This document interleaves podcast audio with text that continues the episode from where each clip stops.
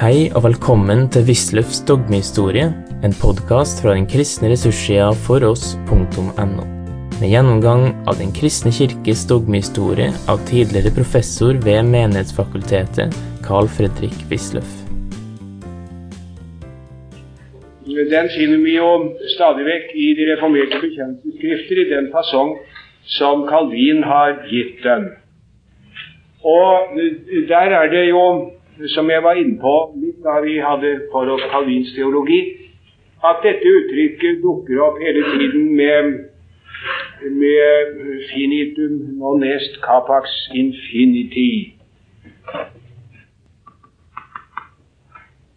Det endelige kan ikke romme i seg det uendelige. Gud er så fjern ifra oss og så veldig avstand mellom ham og oss at uh, endog i Kristus, i gudmenneskets person, eh, så kunne det menneskelige ikke romme og gripe det guddommelige. Eh, selve det uttrykket der er litt senere, men grunnsynet møter vi hele veien.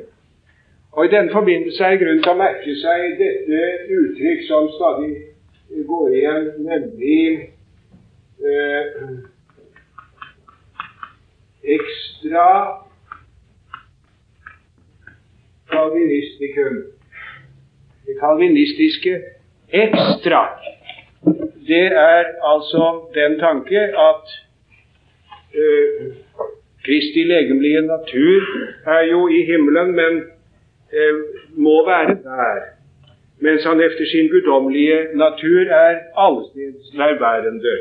Men, står det da i Heidelberg-katekismen, blir det ikke da en adskillelse mellom de to naturene? Og svaret gis som følger Mit nichten, altså slett ikke, denn weil die Gottheit unbegreiflich und allenhalben gegenwärtig ist, so muss folgen, dass sie wohl außerhalb ihrer angenommenen Menschheit und dennoch nicht desto weniger auch in derselben ist und persönlich mit ihr vereiniget bleibt. Altså ganske enkelt eh, når vi sier hans legemlige natur er i himmelen, og han etter sin guddommelige natur er han alle steder. Ja, Men skiller man ikke da fra hverandre? Nei, sier reformerte, for um, hans guddommelige natur er utenfor den legemlige, menneskelige natur, og dog samtidig i den. Dette er det kalvinistiske ekstra som atskiller seg helt ifra den lutherske tanke. Den lutherske tanke er at den menneskelige natur har fått delaktighet i guddommelige egenskaper, og at derfor Kristus som menneske også er usynlig til stede alle vegne. I in Christo kan altså det skje som ellers ikke kan skje, sier lutheranerne. Også et lite ord om det som man kaller for syllogismus practicus. Hvordan kan et menneske bli viss på sin frelse?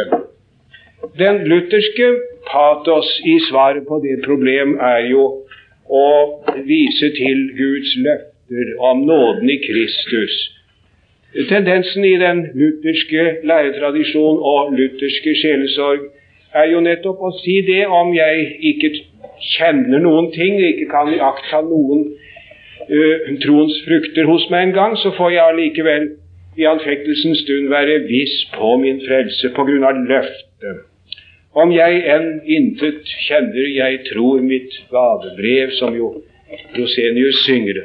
Det er akkurat etter den lutherske læretradisjonen. Den reformerte læretradisjon har en tilbøyelighet til å tenke annerledes, nemlig å grunne frelsesvisheten just på iakttagelser av nådens virkninger i mitt liv. Eh, det eh, kan man se f.eks. i Dordrecht-synoden. Der er det sagt ganske tydelig og, og ganske sterkt. De utvalgte, står det, de får visshet om denne Guds utgrunnelige utvelgelse til frelse, ikke ved å gruble over dybdene i Guds skjulte råd, men ved å observere eh, fruktene av utvelgelsen, slik Guds ord nevner dem, nemlig tro på Kristus, en sønnlig frykt, eh, en eh, smerte over synden og eh, tørst efter eh, evig liv og frukt i mitt liv, osv. Eh, det er liksom helt annerledes. Man gir akt på seg selv og ser fruktene i sitt liv, og får derav også visshet om å være frelst. Det kaller man syllogismus practicus. Det er en tydelig forskjell der mellom det reformerte og det lutherske. Men ganske visst Jeg uh, mener jo at man skal ikke, uh, skal ikke se, overbetone dette altfor meget. Ja, overbetone altfor meget. Unnskyld uttrykket. Man skal ikke overbetone dette. For eh, saken har jo også den side hos de reformerte at de kjenner anfektelsen, og i den situasjonen vet å trøste seg med Guds nåde alene. Jeg har tidligere nevnt spørsmål 86 i Heidelberg-katekismen, hvor det er tale om at vi eh, at vi kan altså at vi kan i anfektelsens stund tro frelsen for Kristi skyld eh, som om jeg ikke hadde syndet. Jeg har nevnt dette stedet for dem tidligere. det er man, man, man, Sakens annen side er på sett og vis der allikevel. vi skal ikke, Det er ikke den reneste det er ikke den reneste fariseisme, altså, i grov fasong, sånn som det lett kan bli når vi setter det skjematisk opp imot hverandre. Vi må holde momentene litt i sjakk. Der er en betydelig forskjell, men vi må som sagt ikke overbetone den.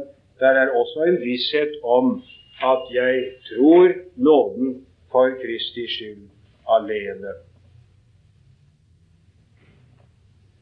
Ehm, jeg har jo nevnt dette for dem før. At selv om min samvittighet anklager meg, heter det, så at jeg har syndet mot alle Guds bud og ehm, ikke, ikke ser noen av troens frukter hos meg selv, så kan jeg allikevel for Hans skyld, for Kristi skyld, tro at jeg er Hans barn, som om jeg ingen synd, synd hadde gjort. Det er sakens annen side da likevel. Så har jeg nevnt at arminianismen fortsatte å leve pga. den relative grad av religionsfrihet som var i Nederland. Punkt 13 på side 161 kan vi sette en strek over. Det er ikke noe å feste seg ved. Det var denne reformerte teolog i Frankrike som forsøkte å mildne predestinasjonslæren. Vi bryr oss ikke mer om det og går videre til Westminster Confession of Faith fra 1647. For der er vi nemlig kommet til den, eh, den eh, yngre gruppe av reformerte bekjennelsesskrifter såpass langt ut på 1600-tallet. vi er jo da under borgerkrigen. Eh, på dette tidspunkt var eh, kong Karl den første slått jo ved slaget ved Marston Moor i 44, Haseby 45. Hans henrettelse fulgte da i 49. Men mens eh, alle disse ting pågikk og Borgerkrigen blusset opp igjen for en ganske kort stund etter at kongen hadde rømt fra sitt fengsel. Så satt der en del geistlige og teologer sammen i Westminster for nå å organisere eh, det kirkelige liv i Storbritannia etter den reformerte trosprinsipper. Og det var i grunnen Skottland som hadde the upper hand i denne tiden. Det er vel den eneste gangen de har hatt det i grunnen. Skottene er jo ikke uten selvfølelse. De vet vel hva de sa efter Dunkerque i 1940. Har de ikke hørt det? I really hope the English won't surrender. It would be a bit hard for us in Scotland to beat Hitler alone. Men altså den gangen som de virkelig har uh, hatt the upper hand, det var på denne tiden da de engelske, uh, det engelske parlament for å få militær støtte fra Skottland, gikk inn på The Solemn League and Covenant. De skulle ha fellesskap med Skottland i kirkeforfatning, gudstjenesteordning og trosbekjennelse og religionsundervisning. Sånn så det ut til. Og i denne situasjonen så, var, så laget man altså eh, The Westminster Confession of Faith. Man laget uh, de to Westminster-katekismer, den større og den mindre. Og det hele så, så ut til at hele Great Britain skulle bli presbyteriansk, dog ikke presbyteriansk som det står der. Det er det verste. En av de grueligste feil jeg kan få øynene på. Sånn gikk det nå imidlertid ikke for den fremherskende eh, religiøse grunnfølelse var en helt annen i England enn i Skottland. Det skal jeg her i denne sammenheng bare antyde. Men her er det jo independentene kommer inn, som er den moderne religiøse toleranses opphavsmenn for en meget stor del. Ikke alene, naturligvis, men i meget stor grad. Efter deres bedømmelse var den skotske presbyterianisme et like stort tyranni som erkebiskop Lauds anglikanisme. Og de vil ikke vite av noen av delene. Eh, derfor så har Westminster-dokumentene aldri spilt noen nevnverdig rolle i England, derimot i Skottland og i presbyterianismen også i den nye verden, hvor man nå for noen få år siden fikk en ny trosbekjennelse, riktignok, som har delt den internasjonale presbyterianisme i to. Nå vel, denne Westminster Confession of Faith definerer det protestantiske skriftprinsipp, fortsetter, fastsetter, øh, fastsetter øh, kanons omfang. Og øh, hvilke skrifter altså som hører med til den kanoniske samling av hellige skrifter, og utelukker de såkalte apokryfe skrifter. Det står her, som i andre, mange andre reformerte bekjennelsesskrifter, spesifisert satt opp.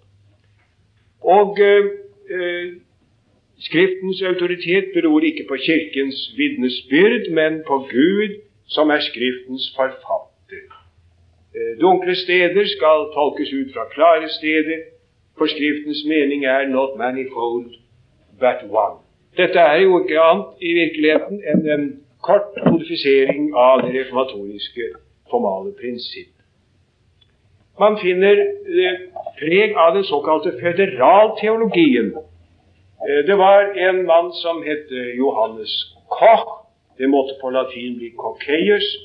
Han ble professor i Leiden, død 1669. Han var opphavsmann til den såkalte føderalteologien. Fødus betyr jo en pakt. Eh, han eh, gav støtet til en helt ny måte å, å, se på tingene. I grunnen han inndelte ikke dogmatikken efter Loki, sånn som hittil. Altså om Gud, om Kristus, om Ånden, om utvelgelsen, om Skriften, om osv., osv., om dåpen, om nattverden. Det er denne Loki-metoden som var den vanlige. Den brøt han med, men bygget hele sitt system opp etter de bibelske pakts slutninger. det var først fødus naturae, siv operum, og så dernest fødus gratia, nådens pakt, etter syndefallet, og det faller i tre. Ante legem, sub lege og post legem, dvs. Si efter Kristus. Altså Hele teologien er bygget opp Eh, efter denne tanken at vi i Bibelen finner forskjellige pakter. Ikke så, heter det i kapittel 7, at det er to eh, nådepakter som er forskjellige i innhold, men det er den samme eh, det, det, er eh, one and the same under various dispensations, under forskjellige husholdninger. Det var den gamle tids husholdning. Før eh, loven ble gitt på Sinai, var det én husholdning. Da så den ble gitt, så var det en annen husholdning. Og så i og med Kristus så har vi kommet inn i den tredje husholdning. Denne måten å tenke på er ganske tydelig kommet til uttrykk i Westminster Confession of Faith. Uh, under loven så var det forskjellige forbilledlige ordninger som prekte frem mot Kristus, og man fikk syndenes forlatelse og evig liv ved tro på dem og forholde seg rett til dem. Men i den nye pakt har vi da en annen dispensation. Her har vi evangeliet, og vi har dåpen og nattværen, forkynnelsen av ordet osv. Slik, eh, slik er det lagt opp. Eh, predestinasjonslæren er, eh, er infralapsarisk, og det er perseverantia finalis blir lært ganske tydelig og klart. Søndagen kalles sabbat. Der har man forlatt det reformatoriske utgangspunkt, som nettopp er at sabbaten gjelder ikke mer. Søndagen er ikke den nye paktes sabbat. Sabbaten er avskaffet for så vidt angår all dens bud, og vi er ikke nødt til å holde oss til den syvende dag i uken. Men eh, fordi man skulle vite, heter det jo i Augustana, fordi folket skulle vite når de skulle komme sammen om Guds ord og sakramentene, så har vi søndagen. Det er den opprinnelige evangeliske tankegang som man finner også på reformert hold. Her er, det, er, er søndagen blitt den kristne sabbat. Og sånn var det jo i grunnen langt på vei, i hvert fall, innenfor den lutherske kirke lenge også. Tenk hvor strenge regler som det var i ortodoksiens tid på det punkt. Ikke først i pietismens tid, som norske historikere har tilbøyelighet til å skrive når de forteller om Kristian 6., pietistkongens sabbatsforordning av 1735. De skriver helt korrekt, med unntakelse av at de gir utseende av at dette var noe nytt. Ikke det grann nytt. Det samme finner man noe over 100 år tidligere i Kristian Kvarts eh, kirketogsforordning av 1629. Det var ikke så veldig langt borte fra dette her, men det har en mer statutarisk karakter i de reformerte bekjennelsesskrifter allikevel. Eh, den, eh, den, synlige kirke er det da som har fått seg betrodd evangeliet og sakramentene. Det er en usynlig kirke. Det er alle de utvalgte som utgjør Kristi legeme. Men den synlige kirke er The Catholic Church i dette ords egentlige mening, dvs. Si den hellige, alminnelige kirke. Og så kommer en tankegang som er Eh, av atskillig prinsipiell interesse for forståelsen av det reformerte kirkesyn. Der heter det nemlig This Catholic Church has been sometimes more, sometimes less visible. And particular churches which are members thereof are more or less pure. Mer eller mindre rene. Det er et uttrykk man kan finne i Tyskland. Eh, slutten av 1300-tallet. Det tales ikke bare om reformerte kirke, men ordet står i komparativ.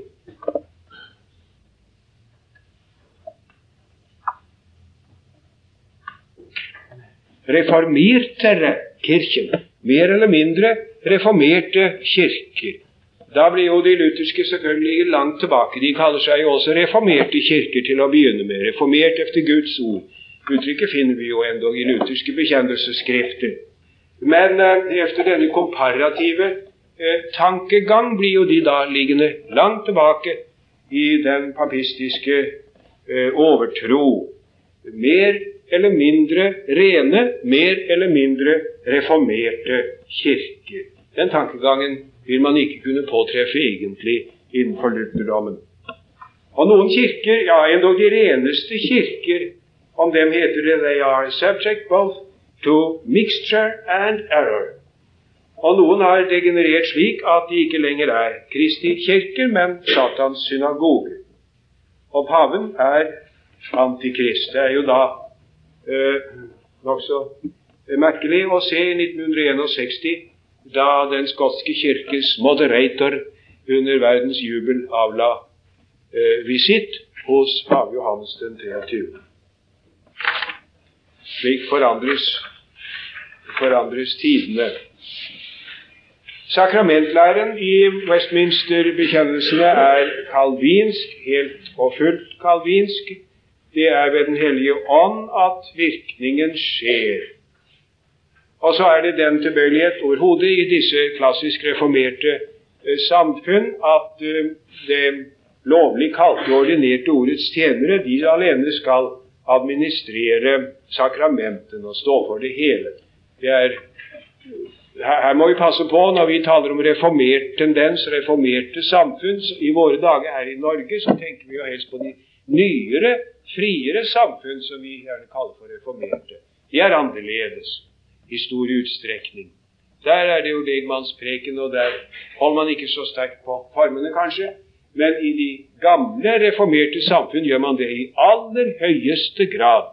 Og det som heter rite vocatus, som Augustana 14 taler om, er ikke mindre sterkt hos Calvin enn hos Luther. Det er vel snarere sterkere, skal jeg tro. Eh, Westminster Confession of Faith ble ikke engelsk bekjennelsesskrift, slik som man hadde tenkt. Det er bare altså den engelske presbyterianisme som har den. Og den har ikke spilt noen nevneverdig rolle. Det er en meget liten sak i England, det. Desto mer er den jo et læreskrift i Skottland og i USA. Og eh, har der vært eh, ganske dominerende, og er det fremdeles i slike presbyterianske samfunn i USA som ennå holder seg til den gamle læretradisjonen. Man har for fem år siden fått en helt ny Confession of Faith, som er helt annerledes. Som jo efter den tankegang som er vanlig i våre dager, i grunnen er diffus, uttaler seg svevende og ytterst forsiktig om tingene og går de vanskelige spørsmål forbi. Den anglikanske kirke er av Carl Hoisy blitt karakterisert som ein Erzeugnis politischer Kompromisse, et resultat av politiske kompromisser. Det er vel hardt å si det sånn. Og Anglicans skulle ikke være veldig glad ved å lese det, sikkert. Men noe er det jo i det. Det er jo nok da å nevne hvordan det var med Henrik den åttendes eh, reformasjon, hvor hans motiver som kirkelig reformator var av svært kompleks art og natur. Nå var jo ikke han alene om det, da. Det får han jo si. Eh, de hadde jo et åpent blikk for det, adel og fyrster rundt omkring på kontinentet også. At det var atskillige eh, rikdommer samlet i klostre og slikt noe som det kunne være grunn til å bruke på en fornuftigere måte enn for disse late munkene. Det, sånn snakket de, og sånn handlet de. Jeg gjorde for den saks skyld katolske også. Samme tider i Danmark på 1520-årene var det samtidig rene kappløp mellom katolske og eh, ny, nyere Luther, lutherske eh, adelige i å slå under seg klostergodset. Så vi skal ikke gjøre oss for store, for stor på denne merkelige Henrik den åttendes vegne, men sannheten er nå allikevel sannheten. Det var en sammensatt natur. Hans personlige innstilling i dogmatisk henseende var eh, konservativ. Han fikk jo den tittel som den engelske konge, engelske dronning i øyeblikket, og fremdeles bærer eh, eh, Defensor fidei, troens forsvarer. Eh, septem sacramentorum, et skrift om de syv sakramenter imot Luthers de captivitate babylonica. Det er slettes ikke noe dårlig skrift, skal jeg si. Jeg har som en lest det. Jeg har sittet i Vatikanbiblioteket og lest det skrift. Og det er ikke noe dårlig skrift. Jeg må si at uh, de heller litt nedlatende uttalelser som jeg til dels hadde sett i generelle fremstillinger, kom i et eiendommelig lys uh, for meg da jeg hadde lest dette skriftet. Man tror kanskje at Eh, biskop Fischer hadde hjulpet ham med det. Men det er ikke nødvendigvis sikkert det heller, for han var jo eh, utdannet som den yngre sønn i lærde vitenskaper. Hans eldre bror skulle jo egentlig ha vært konge, eh, men, eh, men han, han, døde jo ung og efterlot eh, Maria av Aragonia, som de vil huske. Hvis de har sett filmen om Henrik den 8.s koner, i hvert fall. Det var, jo ingen dårlig sak, det skal jeg si. Tillat meg den lille digresjonen. Og særlig den første. Den syns jeg var fabelaktig. Og For den, den spanske prinsessen der har jeg etter mange, lest mange fremstillinger og, og slik, og raslet litt i dokumentene også. I grunnen i mange år, må jeg si, hatt en stille beundring for. Eh, hvis de så den der filmen og, og hørte den spanske ambassadørs eh, siste ord ble sagt um, She would not say that she was not married. When she was. That's all. Ja, det er ikke dårlig observert. Men altså, så kjenner, husker vi disse tingene utover på 1530-årene. Kongen som supreme head of the English church and clergy. Og så går utviklingen da litt i uh, utover på 30-årene. Uh, og så kommer Edvard den sjettes tid, som var, han var jo under dominans av, eh, av, av reformerte reformert innstillede statsmenn, og det strømmet til England atskillige reformerte teologer. Det var etter keiserens seier i slaget ved Mylberg og etter det Augsburger interim i 1548, da det så ut som at keiseren skulle knuse hele protestantismen. Da rømte en del med liv i hendene, og en del kom til England. Peter Martyr f.eks. Og, og, og, og Bootser kom til England. Spilte en betydelig rolle der. Så kom den katolske reaksjon under Maria. Eh, og det ble atter reformert, men da i en egenartet skikkelse under Elisabeth. Og der spiller i hvert fall helt opplagt utenrikspolitiske overveielser en stor rolle. England må hevde seg overfor det katolske Spania, men også overfor det kalvinistiske Nederland. Og religionspolitikken blir da eh, statspolitikk av aller første rang, og med meget bestemte både innenriks- og utenrikspolitiske konsekvenser. At religionen er en statssak, det minnes vi jo bare sånn rent av og til, og forholdsvis uh, perifert om i våre dager, dog stundom smertelig. Uh, I forna dager var det jo helt annerledes. Politiske realiteter av aller viktigste art. Men også på religiøst område har jo forskjellige impulser bidratt til å forme The Church of England. Der er det Wycliffes innflytelse, Cambridge-kretsen, som var luthersk innstillet, Han lest Martin Luthers skrifter. Cranmer, påvirket av forskjellige eh, slags teologer. Under Edvard virket, som jeg nevnte, Peter Bootser, hvor det altså kommet inn en H for mye. Bootser, og vi må ikke uttale den sten som K, eh, som man fort kan komme til å gjøre når man har lært noe slikt i, i latinundervisningen. Tyskerne skriver samtidig TZ, godset, og Peter Martyr og Kino. Og forbindelse med Bullinger-Varde, John Knox var en tid prest i England, også innflytelse ifra døperne. Men allikevel den episkopale retning hele tiden sterk.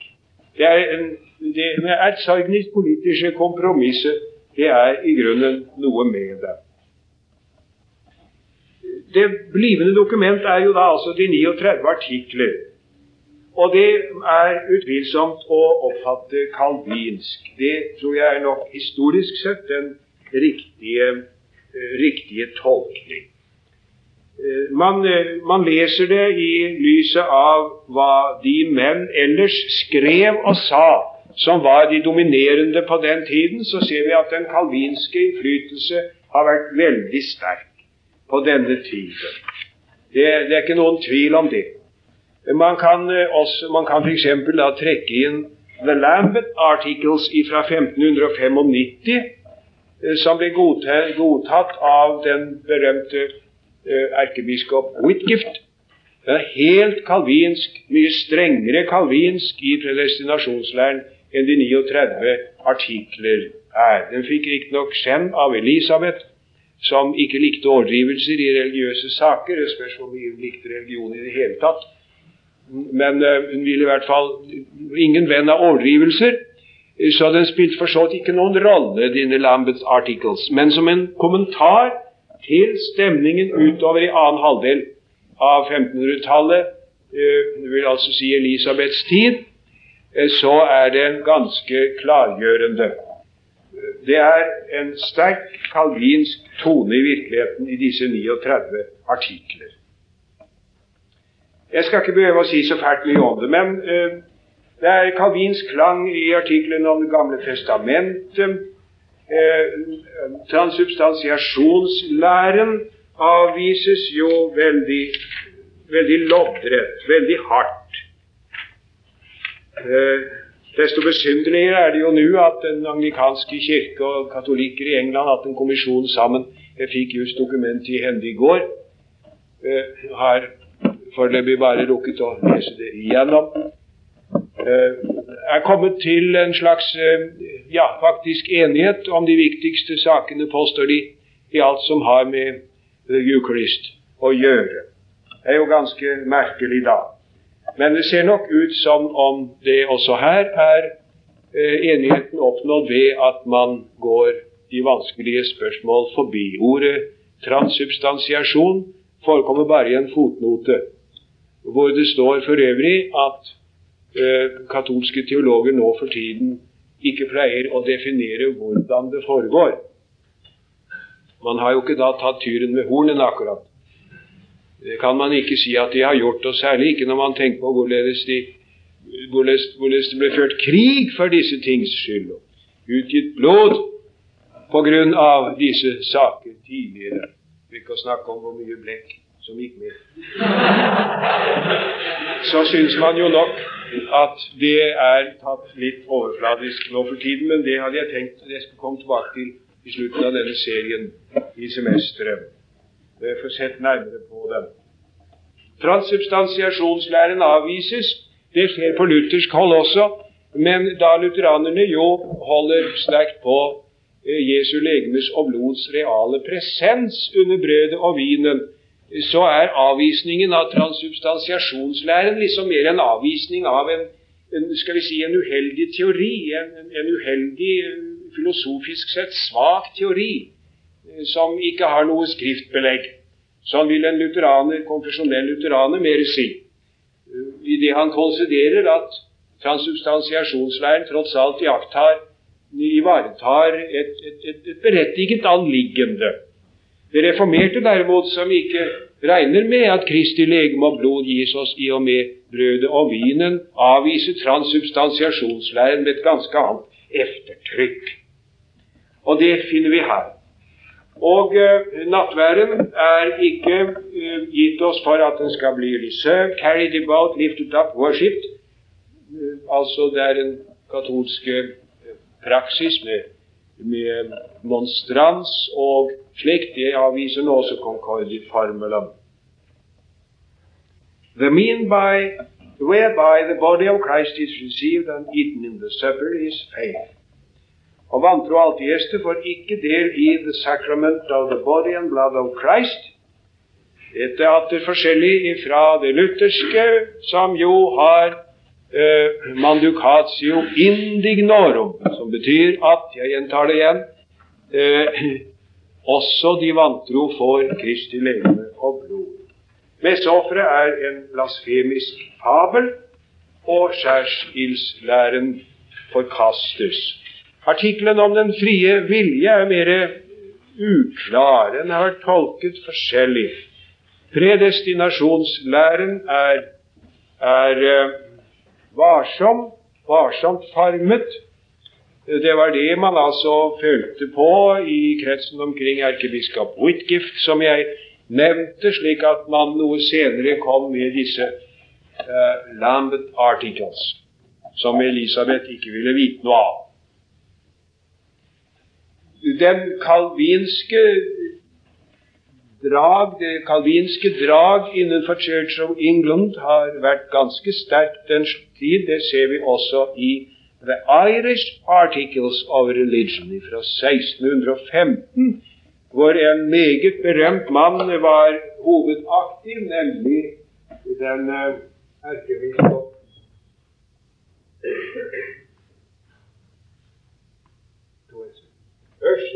James Usher. Ja, men så kommer vi jo til det som er så uh, eiendommelig og nødvendig å legge seg på sinne, og det er forholdet mellom de 39 artikler og uh, Book of Common Prayer. Vi som er lutheranere, og som vet hvilken umådelig rolle Augustana, den augsburgske tros bekjennelse, spiller for oss, uh, er tilbøyelig til å legge kanskje større vekt på de 39 artikler enn det er grunn til. Det faktiske forhold er at i England spiller den engelske kirke spiller alteboken, The Book of Common Prayer, en langt større rolle enn de 39 artiklene. Man har ikke vår følelse som vi har som konfesjonelle lutheranere. Man har ikke vår følelse av en trosbekjennelse med artikler. Det trekkes ikke frem og siteres og kommenteres sånn som hos oss. Ikke på langt nær, ikke på langt nær. Men, men The Book of Common Prayer, som altså er alterboken ville vi si. Så er det nærmest vår alterbok, forskrift for gudstjeneste, for nattverdgudstjeneste, for morning prayer, evening prayer og, eh, og ordinasjonshandlinger osv. osv. Eh, den er det avgjørende. Og Derfor er det også grunn til å merke seg disse fire årstallene som står her nå. Um, 1549. Da kom den første.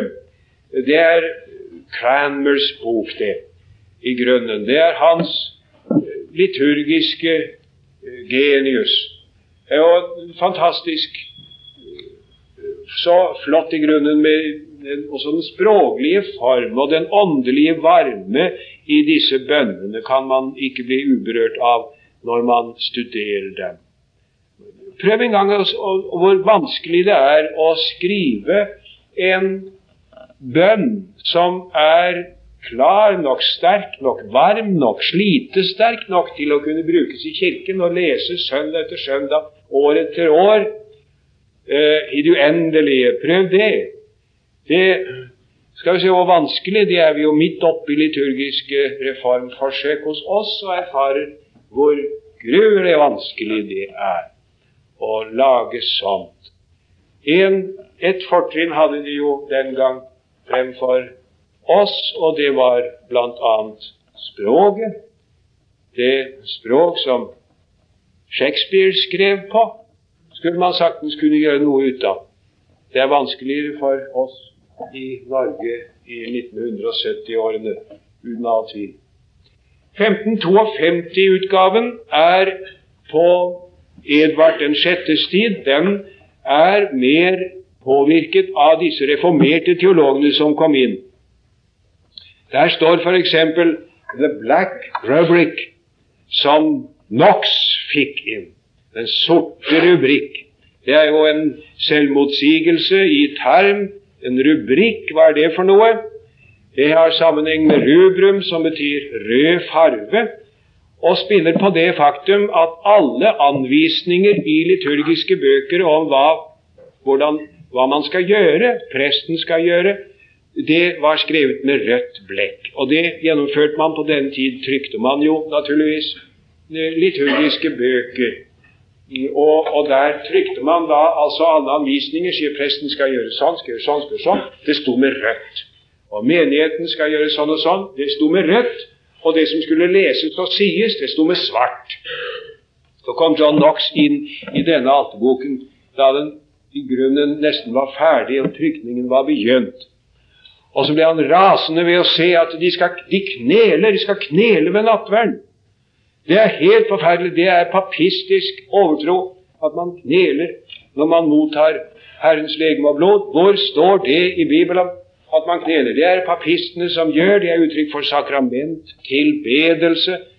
Ja, det var for sent å gjøre noe med det, for det var allerede under trykning. Hva gjorde man så?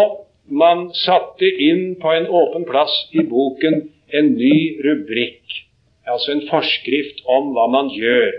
Og Det var en forklaring som sier at når man kneler ved nattverden, så er det ikke uttrykk for sakramenttilbedelse, men det er av ærbødighet for Herren selv. Men det var så sent, så var det ikke noen annen måte å gjøre det på enn å trykke det med svart. Og Derfor heter det The Black Rubric til denne dag.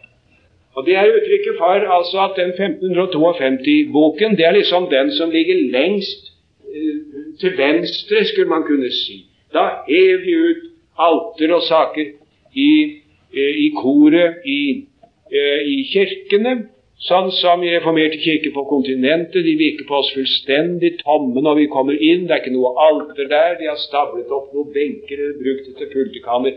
Vi syns det er så rart. Det, det, var ikke lov å ha noe alter på denne tiden. Men så, i 1559, da er Elisabeth kommet til, eh, til makten, og da er det en betraktelig bevegelse tilbake igjen.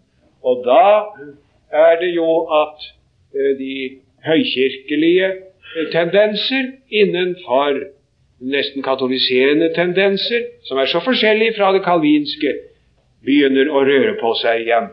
Og tradisjonelle momenter virker nå sterkt sånn at 1559-boken kan man si er en grunnende skritt tilbake igjen til den første. Og så er det 1662. Det er etter restaurasjonen. Da hadde Cromwells tid gått imellom, og da var jo denne boken simpelthen forbudt. Det var forbudt. Det var ikke lov å bruke den, eh, den boken i Cromwells tid. Men så kom da eh, Stuart-kongene på tronen igjen ved all sin ugudelighet. Men det førte da i hvert fall det med seg at nå kom den anglikanske restaurasjonen, og i 1662 fikk de den Book of Common Prayer som de har fremdeles. Faktisk. Dog således at i 1927-28 så kom det en revidert utgave som ikke ble godkjent. Det måtte bli godkjent av parlamentet. Det var jo slik ennå i England. Og den ble forkastet i parlamentet. Parlamentsmedlemmene hadde ikke fått så mye post i sitt liv. De vaklet hjem under byrden av svære masser med brev. For om folk ikke går i kirken, så er de i hvert fall interessert for bispeutnevnelser og liturgiske spørsmål når de først begynner å snakke om det. Sånn at den ble forkastet. Noen biskoper bruker den, tillater den i sine stift, andre ikke. Og det er i så måte i grunnen et lignende kaos som i dommertiden i Israel, om hvilket det står i Skriften at hver mann gjorde hva det var godt i hans øyne. Eh, man må si at eh, Nå skal jeg gjøre meg fort ferdig. Eh, Uttrykkene i nattverdliturgien, merk dette, de kan ikke forenes med et kalvinsk syn på, på nattverden. Som jeg sa nettopp, der har vi det kalvinske syn at brød og vinen er tegn, ikke sant? Ganske visst har vi en forbindelse med Kristus, men det er Ånden som gir, parallelt med at vi heter og drikker brødet og vinen. Men i alterboken, les hva der står, jeg har sitert lite grann.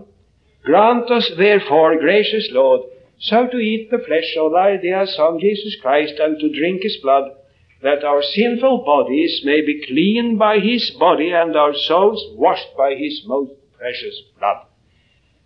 Vel, det er ikke en dogmatisk formulering, det er en liturgisk formulering, men klangen i det, tonen i det, drivet i det, går jo i retning av sakramental realisme, ganske annerledes enn i de 39 artikler. Og Det er også en sakrifisiell tone i liturgien, altså sakrifisium betyr jo et offer. Messeofferet ble forkastet av Luther og alle reformatorene. Og Luther har ikke noen sakrifisiell tone, men her fins det. Der ber de om at Gud må motta our sacrifice of praise and thanksgiving. Vi ofrer oss selv med legeme og sjel til et fornuftig, hellig og levende offer for Gud. Ganske visst så står det da ikke her at Kristus eller sakramentet er vårt offer. Derfor er denne uttrykksmåten i Book of Common Prayer ikke EU ipso katoliserende, men tonen i disse bønnene. Den sakramentale liksom oppløftelse i dem, denne vending imot Gud i praise and thanksgiving, den er ikke på noen måte kalvinsk. Det er gammelkirkelige ting som er kommet inn, og det sørget ikke minst Cranber for.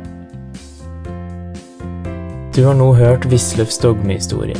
Finn flere ressurser og vær gjerne med å støtte oss på foross.no. Følg også gjerne noen av våre andre podkaster, f.eks. Table Talks.